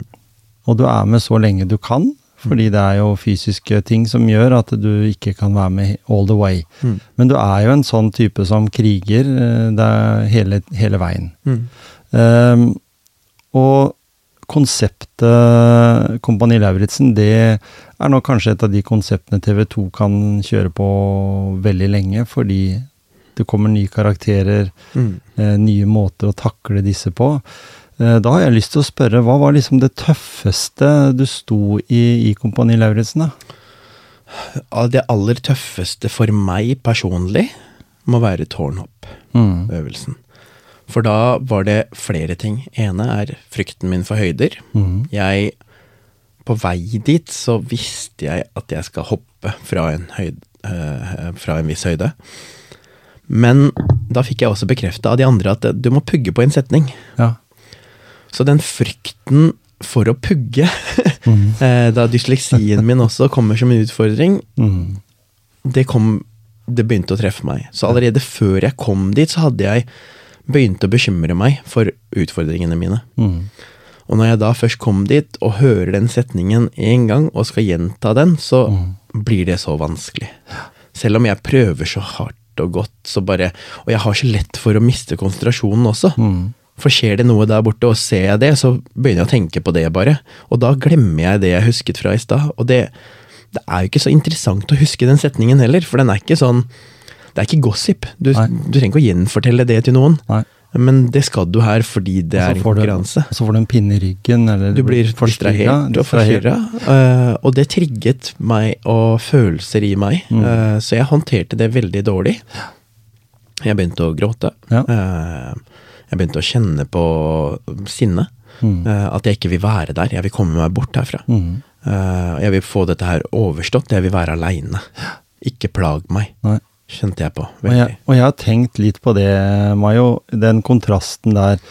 Følte du da litt den taperpersonen Mayo fra barneskolen, Mm. som kom opp i deg da, i Ja. den situasjonen? Da følte jeg at dette her mestrer jeg ikke. Mm. Og tidligere, når jeg har kjent på den følelsen, så kunne jeg plutselig bare dytte ned en av de to. Ja, ja. Ikke sant? Det er det jeg hadde funnet på Mm. tidligere. Eller stått opp og gitt han igjen, da. Eh, Men jeg er jo ikke der nå. Jeg er jo ikke sånn. Så det jeg gjør, er å si eh, Snu meg og se fenriken i øynene, som sitter og da plager meg fra sida. Mm. Og så sier jeg 'må du, eller? Jeg sliter, ser du ikke det?' Eh, det er en fin bekreftelse for meg å se nå i etterkant, Mm. at eh, jeg har virkelig vokst. Fordi hadde dette her vært på barneskolen, så hadde fenriken ligget nede på gulvet. Ja. Men voksne meg håndterer det annerledes, sier ifra på en voksen måte, selv om jeg har det tøft. Mm. Jeg er veldig stolt av hvordan jeg håndterte den situasjonen, men det var det jævligste å oppleve. ja. Fordi du blir satt så i prøve på nettopp det du hadde som vanskeligheter Mm. som barn. Men, men da sier vi igjen at uh, Geir, som han heter, Yes. fenriken Mm. uh, Du har et godt forhold til han i dag? Ja, absolutt. Ja? Eh, tok du opp den situasjonen med han noen gang? Ja, han tok opp det med Han meg. gjorde det? Ja. Mhm. Etter at vi var ferdig med innspillinga, sånn, så sa han, kom han til meg, og så sa han Det er én ting som har rørt meg gjennom hele denne Kompani Lauritzens-reisen denne sesongen her. Det er når du ser meg i øynene og sier 'må du', eller 'jeg sliter'. Da fikk jeg skikkelig vondt i hjertet. Ja. Da ble jeg veldig glad, Mm. for jeg tenker da bor det faktisk et følsomt menneske i deg også. Ja. Så sa han 'beklager', men jeg var nødt til å gjøre det. Konseptet er sånn. Konseptet er sånn. Jeg fikk så medfølelse, jeg fikk så vondt av deg der du Mm. satt, og jeg så ehm, hvor lei deg du var i øynene Mm. dine, og hvor sårt du ønsket at jeg skulle slutte. Mm. Og de slutta jo, de trappa ned etterpå. Ja. De lot meg konsentrere meg mer og sånn, så jeg tror det hjalp at jeg sa ifra. Så det hjelper alltid å si du hoppa, vet du. Ja, jeg hoppa. Du hoppa Ja. du ut, du på en måte pusha deg sjøl til å gjøre noe som var liksom din eh, Mm. problem nummer to, Ja. dette her med høyder. Mm. Eh, og jeg vil jo si det, og det har vi jo snakka om tidligere, Mayo òg, dette her med at jeg får fortsatt litt sånn tårer i øyekroken når jeg så du satt der på bakken etter at du hadde gjennomført dette her. Mm. Uh, fordi da Det var en litt sånn spesiell anledning for deg òg. Mm. Jeg, jeg har jo gjort dette her veldig mange ganger i livet. Jeg Mm. trekker meg unna, går og setter meg for meg selv, Mm. og bare resonnerer og tenker og sånne ting inni hodet mitt. Mm. Og eller bare kobler av helt, bare for å finne roen igjen, da. For å stå opp sterkere. Det var første gang kamera tar bilde av meg når jeg gjør det. Mm. Jeg hadde ingen sted å rømme, liksom. Så det å se hvordan jeg håndterer den situasjonen, jeg tror jeg slår meg selv litt etterpå, og er veldig irritert for at jeg liksom ikke fungerer, og sånn, og så bare Men det er en helt naturlig reaksjon. Mm. Det er en helt eh, forståelig måte å reagere på, for det er sånn jeg er. Og det, det er så ærlige bilder å vise på TV. Mm. Og derfor så tror jeg også liksom denne type programmer som dette her er så viktig, og det er derfor jeg har lyst til å være med, for det får utfordret deg, men samtidig så vokser du så sinnssykt mye Mm. av å nettopp være gjennom sånne ubehageligheter. Og, og det, hva, hva sa den indre stemmen, eller den personen For du er jo i andre sitat, så har du nevnt litt på dette her med at Mm. eh, vi er jo flere personer Mm, i, i en, et, en Absolutt, kropp. Ja. Eh, hva, hva sa den indre stemmen inn til deg når du satt der, da? At uh, først og fremst så var jeg veldig glad for at jeg gjennomførte og sånne ting. Mm. Uh, men samtidig så sa den stemmen at uh, det her her var ubehagelig. Ja, Jeg vil bort herfra. Du prøvde å gjemme deg. Mm. Mm. Når en da slipper taket i en sånn serie, alle vet jo det at eh, de som har sett Kompani Lauritzen i, den, eh, i 2022, da, de, da du gikk ut fordi du hadde trøbbel med knær. Både knær og bilhule. Og så var jo da den eh, ekstremturen opp til eh, toppen der i Åndalsnes. Jeg kan si det sjøl, for jeg har gått den veien, og det er ganske krevende. Og dere hadde vært igjennom et ganske heftig Mm. eh, et opplegg før også. Eh, og det var veldig mange som hadde sympati for deg, spesielt også din makker. Mm. Tone. Mm. Ja, nei, Tone Damli sa det at hun ante at dette her kom til å bli vanskelig, i og med at jeg er så stor og sterk og vi skal greie oss uten mat og den løypa. Mm. Eh, men så så henne hvor sterk jeg var, at jeg kom så høyt opp uten næring Ja. og viljestyrke. Vi ante jo ikke at jeg ikke hadde et menisk Nei. eh, på den tida, og at det var derfor kneet mitt hovnet seg opp og sånn, men jeg går og tar meg ofte til det kneet, og det, det verker og kjennes ut som skikkelig smerte, men så tenker jeg også at men det går bra, det er sikkert bare fordi jeg har litt vondt. Jeg prøver å pushe grensene så betraktelig, Mm. men um, Nei, det sier jo stopp, da. Jeg klarer ikke. Plutselig så begynner jeg å se Du vet når det flimrer foran øynene dine, at du ser bare stjerner, liksom. Det blir jo sånn til slutt. Og da fikk jeg ikke lov til å gå videre av legen. Nei. For, for hva tenker du Altså, hvis vi tar eh, forsvars... Altså Forsvaret, norske forsvaret, eller Mm. forsvar generelt, så er det jo noe med det at du er en kar på 100, og- 100 kilo. 100 kilo cirka, Mm. eh, og så har du ei lita jente på 50 kilo. Ja. Eh, matbehovet, Mm. eh, hvordan, hvor fort du forbrenner de lagrene du har. Mm. Eh, kontra også som jeg tenker at den jenta på 50 skal bære like tung sekk som deg, da. Ja. Så det er jo noe med det der også, at det går begge veier. ja. Eh, forsvaret vårt er jo lagt opp til at den har makshøyde, minimumhøyde. Mm. Du er en eh, infanterisoldat, ok, da kan du ikke være 1,50 på strømpelesten. Mm. Du kan heller ikke være 2,10. Mm. Eh, setter en norm. Mm. I Kompani Lauritzen så er det ingen personlig eller fysisk norm. Det vil si at alle får være med, og det, det plukkes ut deltakere fordi det skal være kontraster mellom ulike personer. Da. Eh, når du da står i det eh, og, og må trekke deg, eh, føler du at du var fornøyd, eller føler du at du hadde tapt noe? Akkurat i den øvelsen så følte jeg at jeg hadde tapt. Mm. Fordi jeg ikke klarte å gjennomføre, og fordi jeg følte at jeg taktisk feilet den dagen. Mm. Fordi jeg gikk så hardt ut allerede fra tidlig av, og skulle vise at jeg hadde så mye mer å gi enn alle andre, og skulle gjøre ting lettere for de andre. Så jeg ga mer, men jeg tappet meg selv. Mm. Eh, Så jeg var ikke så stolt av å ikke gjennomføre den etappen, altså. Nei. Det var jeg ikke. Men når du da satt i Mercedesen Mm. eh, på vei derfra, Ja. eh, hvordan var følelsen da? Begynte du å bli litt fornøyd med det du hadde levert? Nei. Fikk du, nei? Jeg var veldig skuffa og irritert.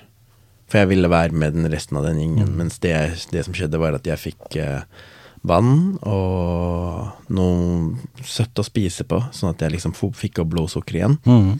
Og så sov jeg bare.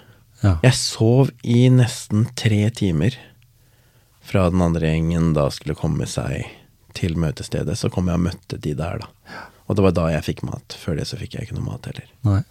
Men jeg sov, og søvn hjelper det òg, når man er sulten og sånne ting. Og har litt dårlig energi, så hjelper det å sove. Mm. Så det har jeg alltid gjort, da, fra jeg var liten også. Når jeg er sint eller sur eller er sørgelig eller er lei meg, så går jeg og sover. Fordi du, ja, du kobler litt av Mm. på den måten, og slipper å tenke på det og kjenne på det. Så da sover jeg i kaserna i tre timer før jeg gikk og møtte de andre. Mm. Så den søvnen den hjalp meg til å hente meg litt inn. Den, der fikk du lada litt. Mm.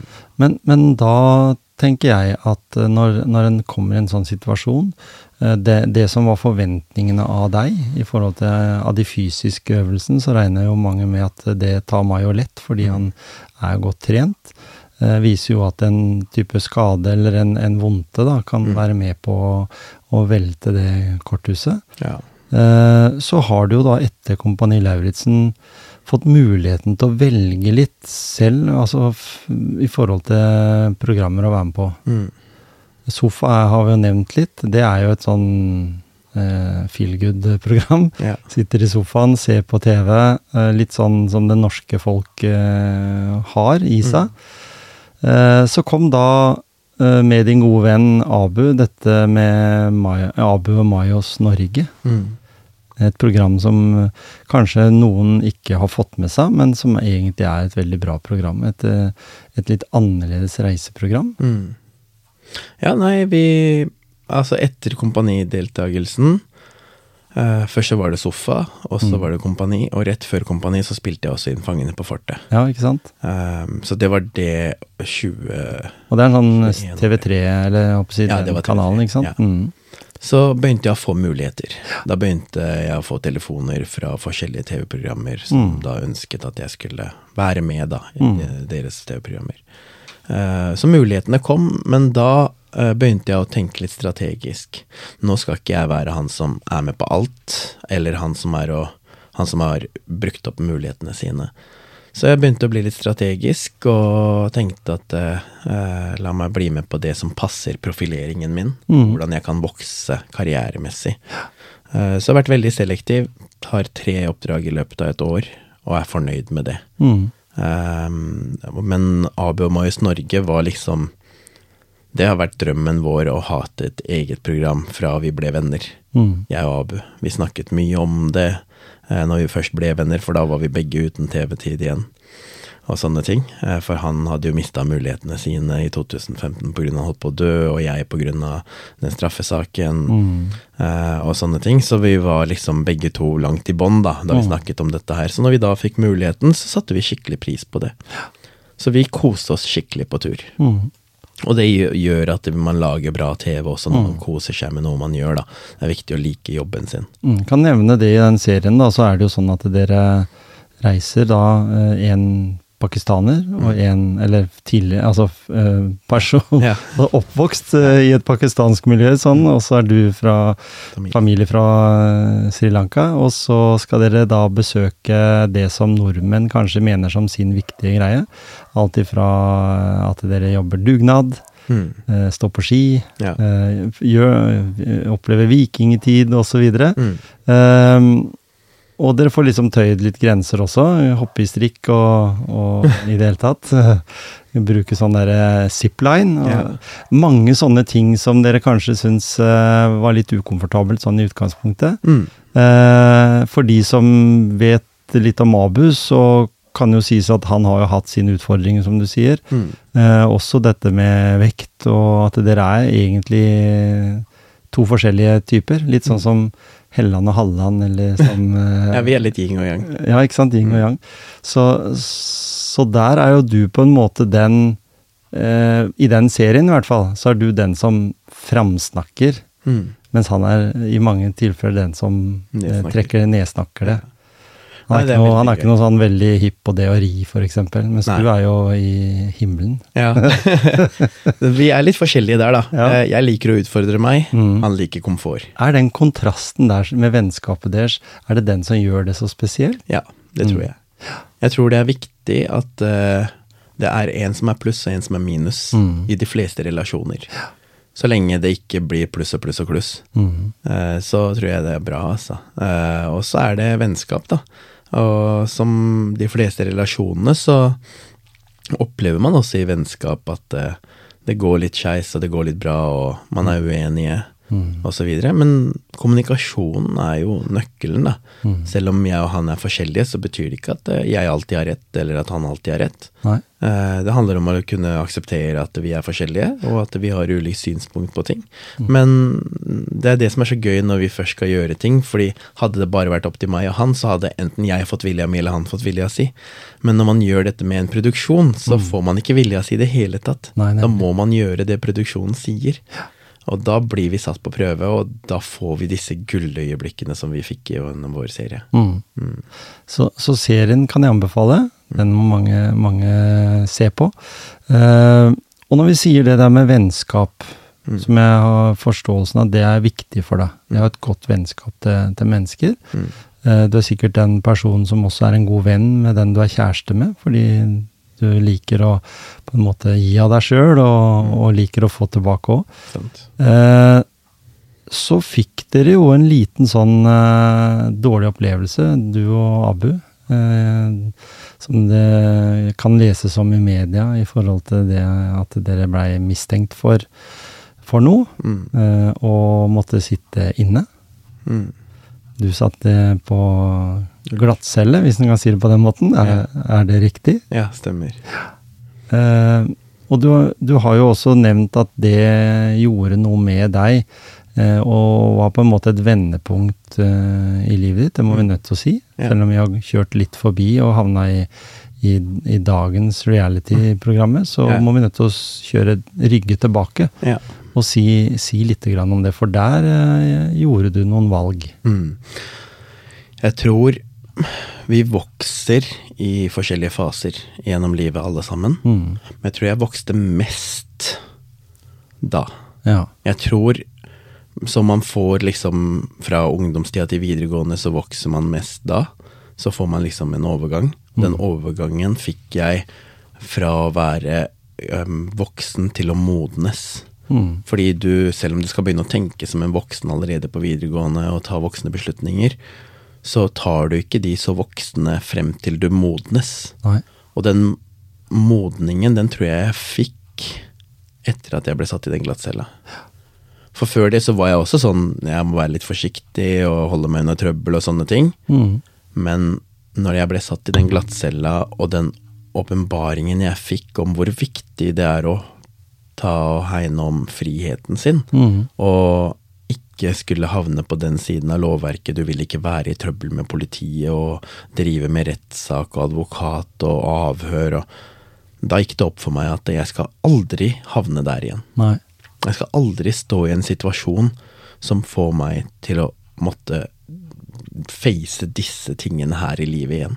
Nei, for du, du bodde jo på en plass, Mm. kjørte jo en bil, Mm. eh, og kjørte litt rundt, ikke sant? Så politiet var jo på en måte kanskje litt ute etter dere Ja. innimellom, da, hvis vi Ja. kan si det på den måten. ja, det kommer jo frem i spaningsrapporter og Ja, sånn, at de har eh, fulgt oss og fulgt med. Mm. Eh, heldigvis for over, sin del, så fikk han jo bare håndjern og ble lått, eh, sluppet til å gå hjem. Mm. Jeg ble kjørt i glattcella først til Grønland, og så til Ullersmo og satt i varetekt der. Ja.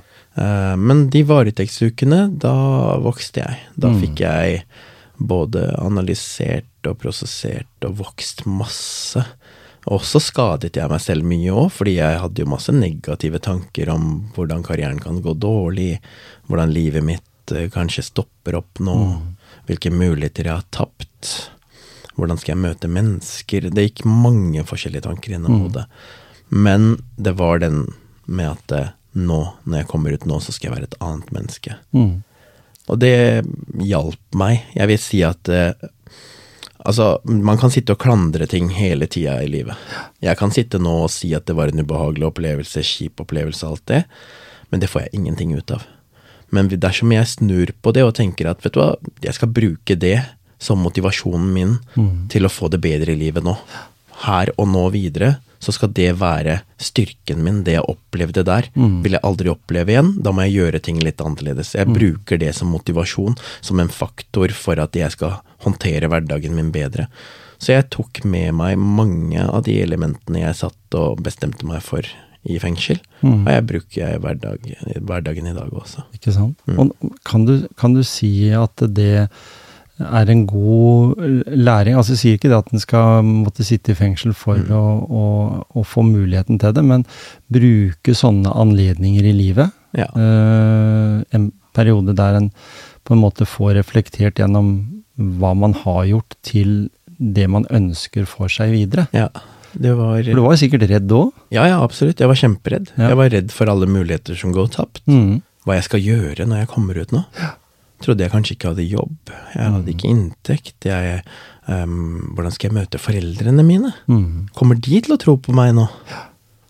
Eller skal de også være imot meg? Og Mm. folk og liksom VG gikk ut med navn og bilde, og liksom det var bare Det var så dystert og trist. Mm. Eh, Men da var det jo det en periode etter at jeg kom ut også, til jeg begynte å liksom dra til psykolog og ta opp problemene mine, til jeg fikk liksom perspektiv på ting, da. Mm. Eh, Så det hjalp veldig å liksom få perspektiv. Eh, Men så har jeg vært veldig heldig med både venner og familie. Eh, Abu, da, som fikk meg til å glemme mye av det, men familien min som også støttet oss i mye av det vi gikk gjennom. Mm.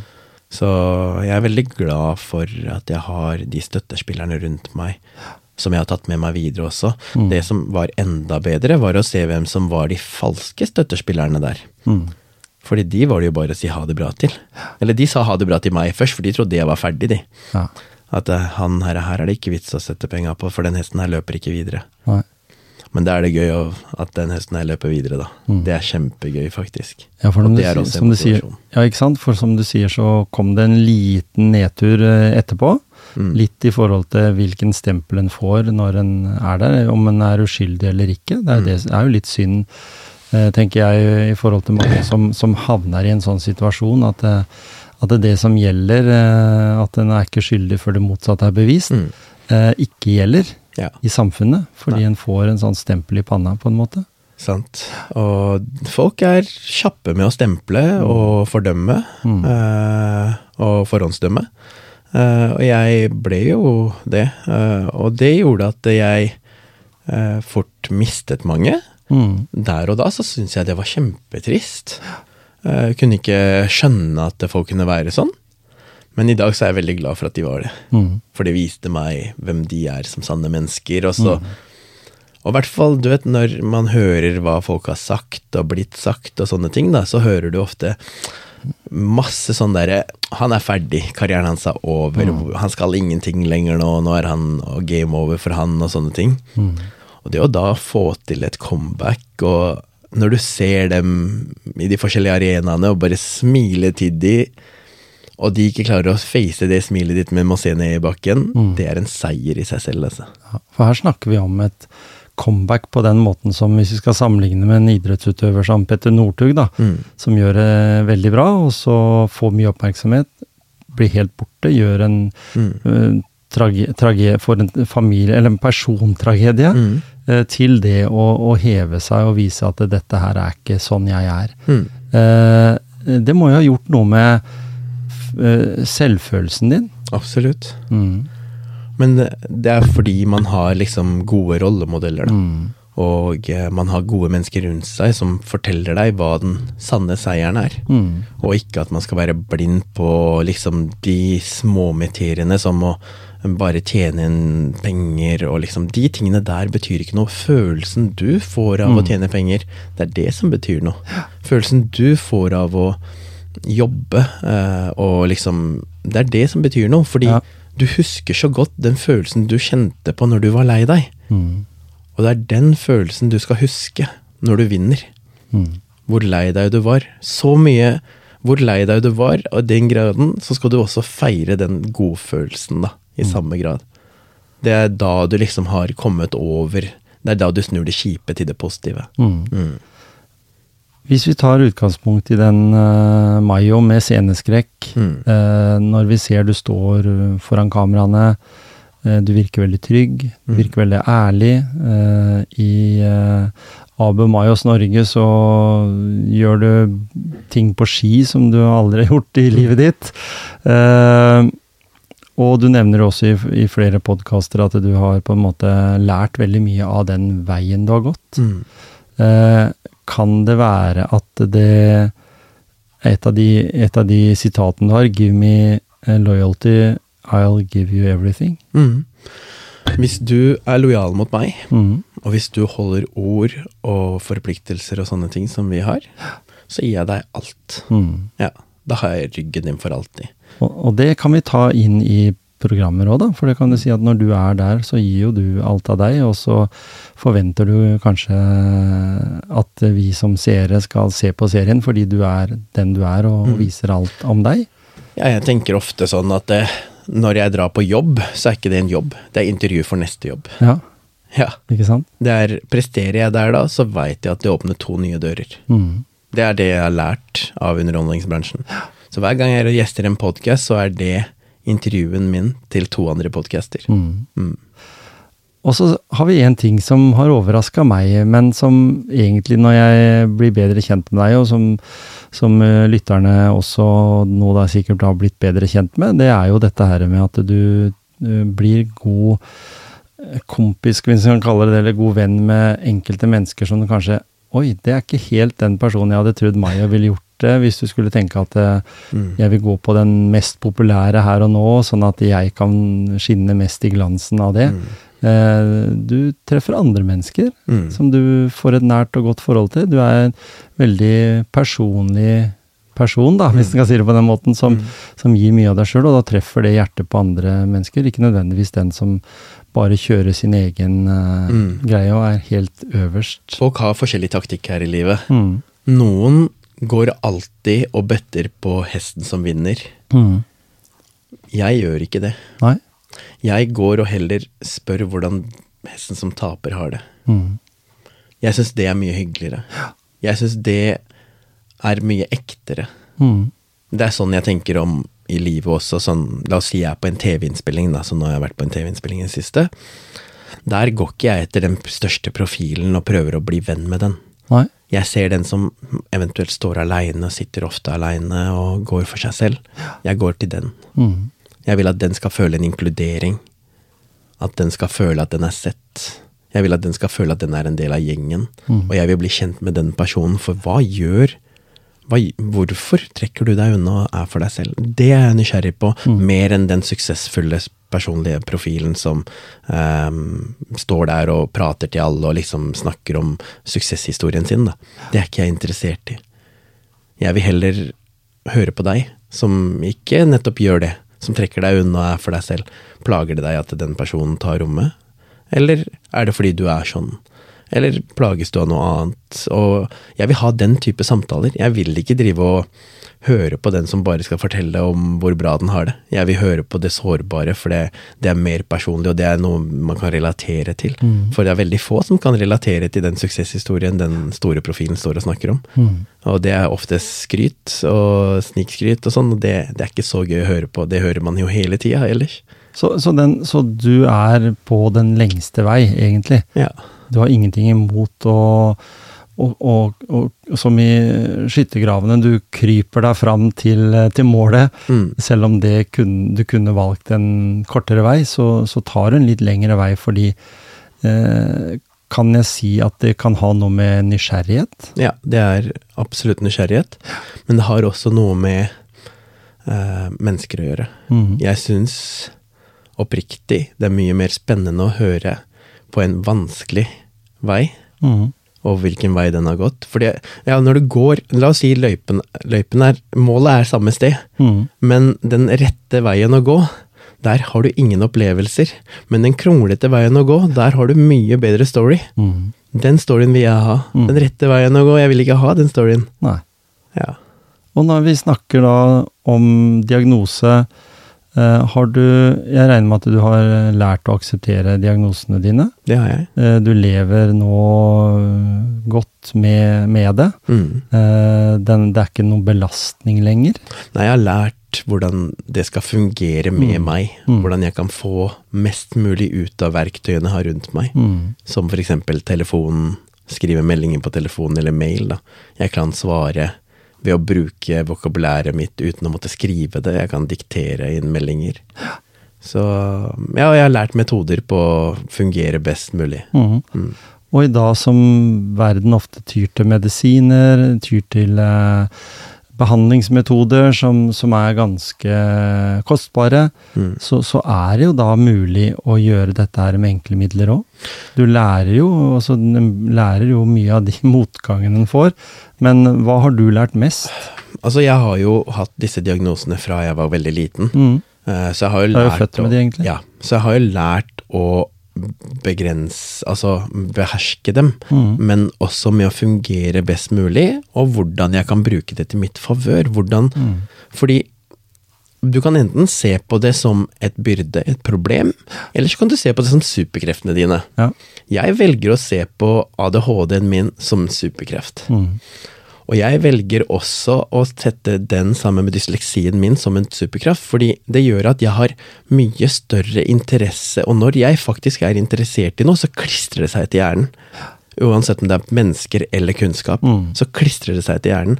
Men dersom jeg ikke har noe interesse, så tenker jeg ikke på det i det hele tatt. Nei. Da har ikke den samtalen eksistert i min verden. Og det med energien min, den bruker jeg så fornuftig på trening. Mm. Ikke sant? Jeg bruker den på trening og lager mat og rydder rundt meg. Jeg har så mye energi, så jeg kan gå rundt og rydde og holde det strøkent rundt meg hele tida uten å bli sliten av det. Mens andre er sånn, jeg kommer hjem fra jobb og setter meg på sofaen i to timer.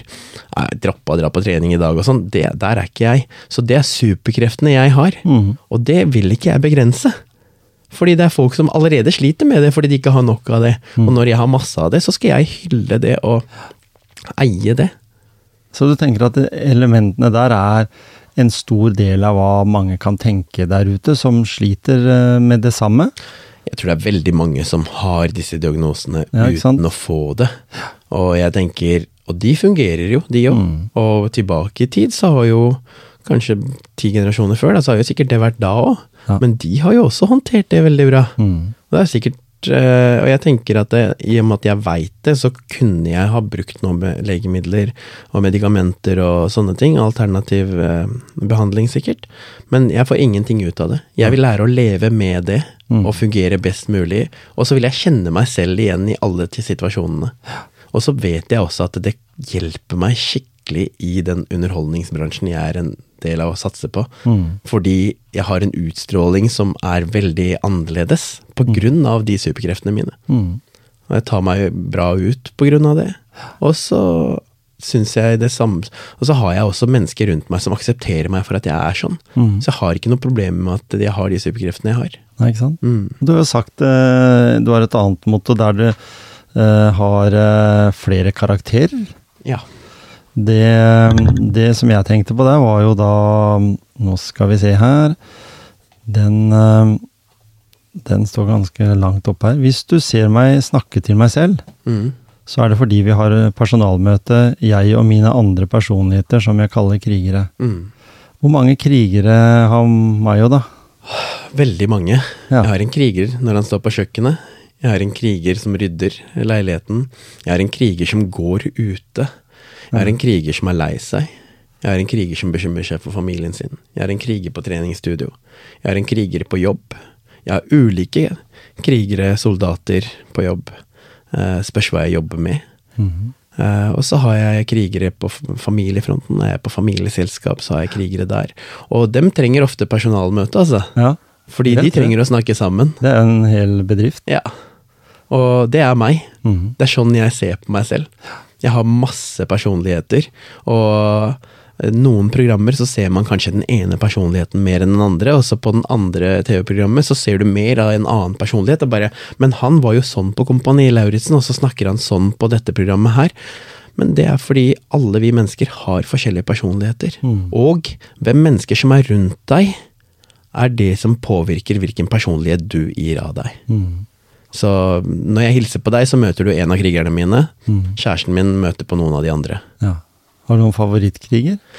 Jeg mener den krigeren som gir kjærlighet, er den fineste krigeren jeg har. Mm. Ja, Den som sprer kjærlighet. Uh, og den får jo kjæresten min se veldig ofte. Ja, ikke? Eh, Så jeg er veldig glad for den personligheten min, men jeg er også veldig glad i den personligheten min på trening. For jeg er ikke han cocky treningsfyren på treningssenteret. Jeg er han blide som sprer glede, som hjelper andre og er møtekommende, men samtidig har det bra med seg selv på treningsstudio. Så jeg er veldig glad i den personligheten min på treningsstudio. For det er en arena jeg føler meg trygg på. Mm. Uh, Så jeg har sånne noen eh, sånne favorittpersonligheter, altså. Mm. Ja, Som er framme litt oftere enn enn andre. enn andre. Eh, Kan vi, kan vi anbefale lytterne å tenke litt mer over akkurat det du sier der, med at du på en måte uh, Istedenfor at du føler et kaos i hodet, så tar du det ned på et nivå der du fordeler ulike personligheter, da, eller krigere. Ja, fordi vi alle har kaos i hodet. Mm. Men det er derfor man må stasjonere de kaosene rundt omkring. Og så la heller de krigerne i deg håndtere de forskjellige problemene. Eh, som for eksempel, eh, la oss si trening, da. Trening er veldig vanskelig for noen. Det å kunne måle mm, kaloriinnskuddet mm, mot kaloriuttaket sitt. Det å mm, programmere hvilken treningsøkt du skal ha. Det å tenke restitusjon. Det å tenke væske i kroppen og ditten datten. Alle de tingene her er veldig vanskelig for noen. Men da må du finne den krigeren som håndterer det bra, og la den deale med det, og ikke ta med deg den sårbare eh, personligheten du har kanskje på hjemmefronten, da, eh, som sitter og er deprimert, inn på treningsfronten, fordi han klarer ikke å håndtere den situasjonen. Nei. Da må du koble av han, og koble på han andre. Mm. Det gjør jeg veldig ofte. Når jeg kommer inn her, så kobler jeg Og det er som på en arbeidsplass, ikke sant. Du kobler på ulike personligheter. Du må tilpasse deg Mm. arenaen du er på. Du kan ikke spille spiss hver gang. Noen ganger så må du faktisk være benkesliter. Ja, sånn er det bare. Mm. Mm. Det høres ut som en veldig fin tanke, Mayo. Mm. Eh, Jeg takker for eh, praten. Takk selv. Det har vært kjempehyggelig. Og så håper jeg at dere lyttere har blitt litt bedre kjent med Mayo også.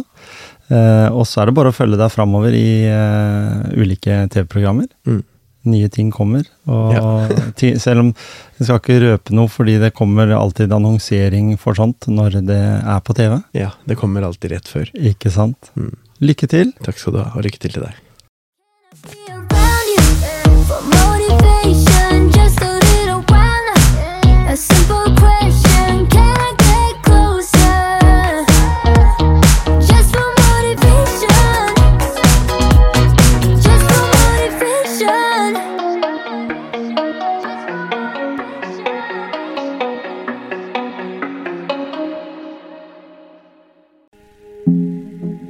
Pure Norway is a sustainable brand inspired by the Norwegian nature and lifestyle. From the beautiful Norwegian nature, we draw inspiration to our designs and motives from fjords, rivers, mountaintops, and forests.